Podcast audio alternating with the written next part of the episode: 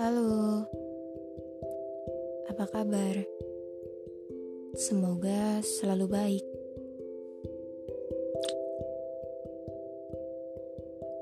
Di podcastku kali ini, aku akan membicarakan tentang kehidupan, karena setiap orang punya cerita yang berbeda.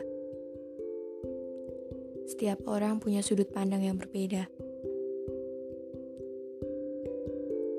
So, mari kita mendengarkan cerita orang-orang terkasih. Selamat mendengarkan.